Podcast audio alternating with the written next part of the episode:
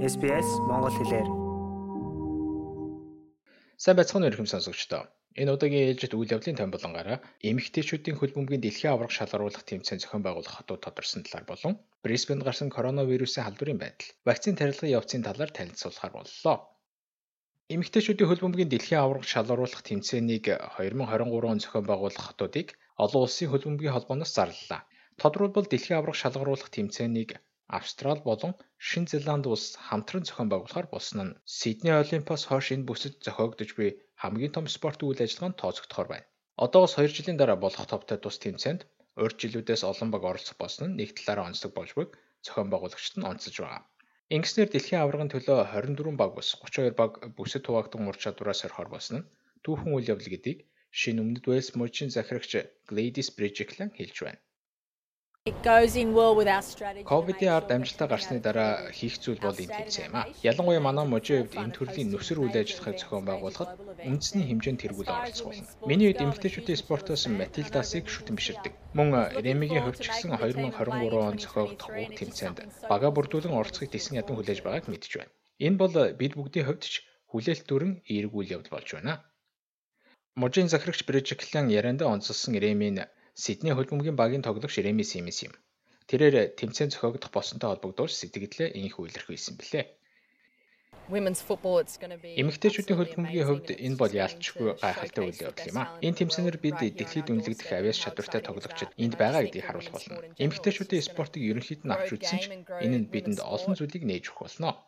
Дэлхийн аваргын цуврал тэмцээнүүдийг Сидней болон Окленд хотуудаас гадна Brisbane, Melbourne, Adelaide, Perth болон Tasman, Hamilton, Wellington, Dunedin зэрэг хотуудад зохион байгуулахаар тов гараад байна. Харин тэмцээний нээлтийн үйл ажиллагааг Auckland дангаар зохион байгуулах юм а. Тэгвэл Brisbane хотод тогтоосон төрөвчлсөн хөл хорой өнгөрсөн баасан гарагт өндөрлөө. Гэвч Queensland мужийн хэмжээнд гэрээс гарч орохдоо амны халтай заавал зүүж байх зэрэг зарим хязгаарлалтуудыг эх 14 хоногийн турш хിവэрүүлдэхээр болсон байна. Энэхүү мэдээллийг хийхээс өмнө Квинсленд мужид голомтон тодорхойгүй нэг халдвар илэрсэн юм. Энэ талаар тус мужийн захирагч Анастасия Палуше дараах мэдээллийг хийсэн юм. That is good news for Queensland. Хөл хориг туслах болсон Квинсленд мужийнхны хувьд сайн мэдээ болж байна. Гэхдээ гэр бүл найз нөхдөөрөө амралт цугаалгаар явахдаа аюулгүй байдлаа хангаж байхыг хүсэж байна. Бидний хувьд бүх зүйлийн ард гарч хараахан амжаагүй байгаа.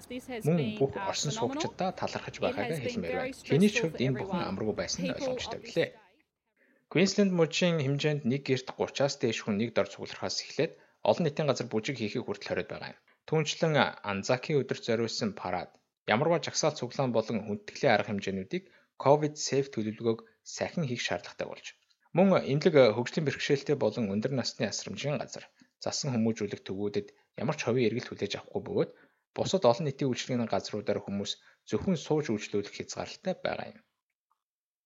Тэгвэл та бүхэндээ дараагийн мэдээ болох Австрали улсын хэмжээнд өрнжүй вакцинжуулалтын талаарх сүүлийн үеийн мэдээг хүргэж байна. Австрали улсын хэмжээнд коронавирусын эсрэг вакцинжуулалтыг хийснээс хойш нийт 850 мянга орчим хүнд тарилга хийгдээд байна. Тарилгын үзүүлэлтээр шинэ өмнөд Вэс мууж 126 мянган тонн вакцин тарьснаар бусдыгаа маллаж байгаа бол Викторийн муж 116 мянган тонн вакциныг иргэдээгээд байна. Харин эх 7 хоногудад дотоодын хангамжаа нэмэгдүүлснээр тарилгын явцыг хурцсахна гэдгийг эрүүл мэндийн сайд Грэг Хант хэлж байна. So as uh, the supply which тарилгын явцыг тодорхойлж буй хангамжийн асуудлаа бий чигсэн. Дэлхийд даяар маш их өрсөлдөөнтэй байгаа энэ үед бид дотоодосоо вакциныг хангах боломж бүрдсэн маш чухал хэрэг билээ. CSL-с бас вакцин хангаж эхэлснээр бид GP-гээр дамжуулан 275 мянган тонн вакцин хийгээд байна. Эх хоногудад энэ хэмжээ улам нэмэгдэхээр харагдаж байна. Түүнчлэн эх өдрүүдээс вакцины тарилгыг хийж буй тусгай клиникүүд болон GP-гийн тоог хоёр дахин нэмэгдүүлж 3000 давуулахаар төлөвлөд байгаа аж. Гэвч холбооны засгийн газар 3 дугаар сарын төлөвлөгөөнийхэн дагуу 4 сая хүнд вакцин хийж чадаагүй нь зарим талаараа шүүмжлээд дүртөд байгаа юм. Энэ ч утгаараа засгийн газраас вакцинжуулалтын хугацааны төлөвлөгөөгөө ил тод байлгах хэрэгтэй гэдгийг сөрөг хүчний төлөөлөгч Марк Батлер хэлсэн юм. Эрүүл мэнд болон бусад салбарын тэргүү гүнэнд ажиллаж буй хүмүүсээ вакцинжуулах ажил дээр мужууд маш сайн ахис гаргалаа. Гэвч үндэсний хэмжээндээ нийгмийн эмзэг хэсгийг вакцинжуулах үүргээ цалгардуулж орхилоо. Үүнд хөгжлийн бэрхшээлтэй болон өндөр наснуудын асрамжийн газарт буй иргэд тэднийг асран хамгаалж буй олон зуун мянган хүмүүсийг хэлж байна. Иймд бид вакцин тарилгын шинэ хугацаа төлөвлөгөөг мэдэж байх хэрэгтэй байна. Ямар ч тач Скот Моррисны амласан хугацаа зөрж эхэлсэн тодорхой байна. Тэгвэл олон улсын хэмжээнд асуудал үүсгээд байгаа AstraZeneca вакцинтай холбоотой зарим зүйлсийн талаар Австралийн талч гэсэн ямар нэгэн арга хэмжээ аваагүй байна. Тодорхойлбол Австралийн өмчилгээний бараа бүтээгдэхүүний удирдах газар болон тархлаажуулалтын асуудлаар техникийн зөвлөгөө өгөх багаас вакцины тарилгыг төр зогсоох талаар ямар нэгэн зөвлөмж ирүүлэггүй байгаа юм. Учир нь Мельбурн тарилга хийлгэсэн нэг хүнд ховор төрлийн цусны бүлэгнэл үүссэн явдал нь AstraZeneca вакцинтай шууд холбоотой гэсэн баримт одоо хүртэл илрээгүй гэдгийг тэд мэдэгдэж байгаа билээ. Лайк, шеэр, комент үлдээгээрэй. SBS Монгол Facebook хуудсыг дагахаа мартаоцай.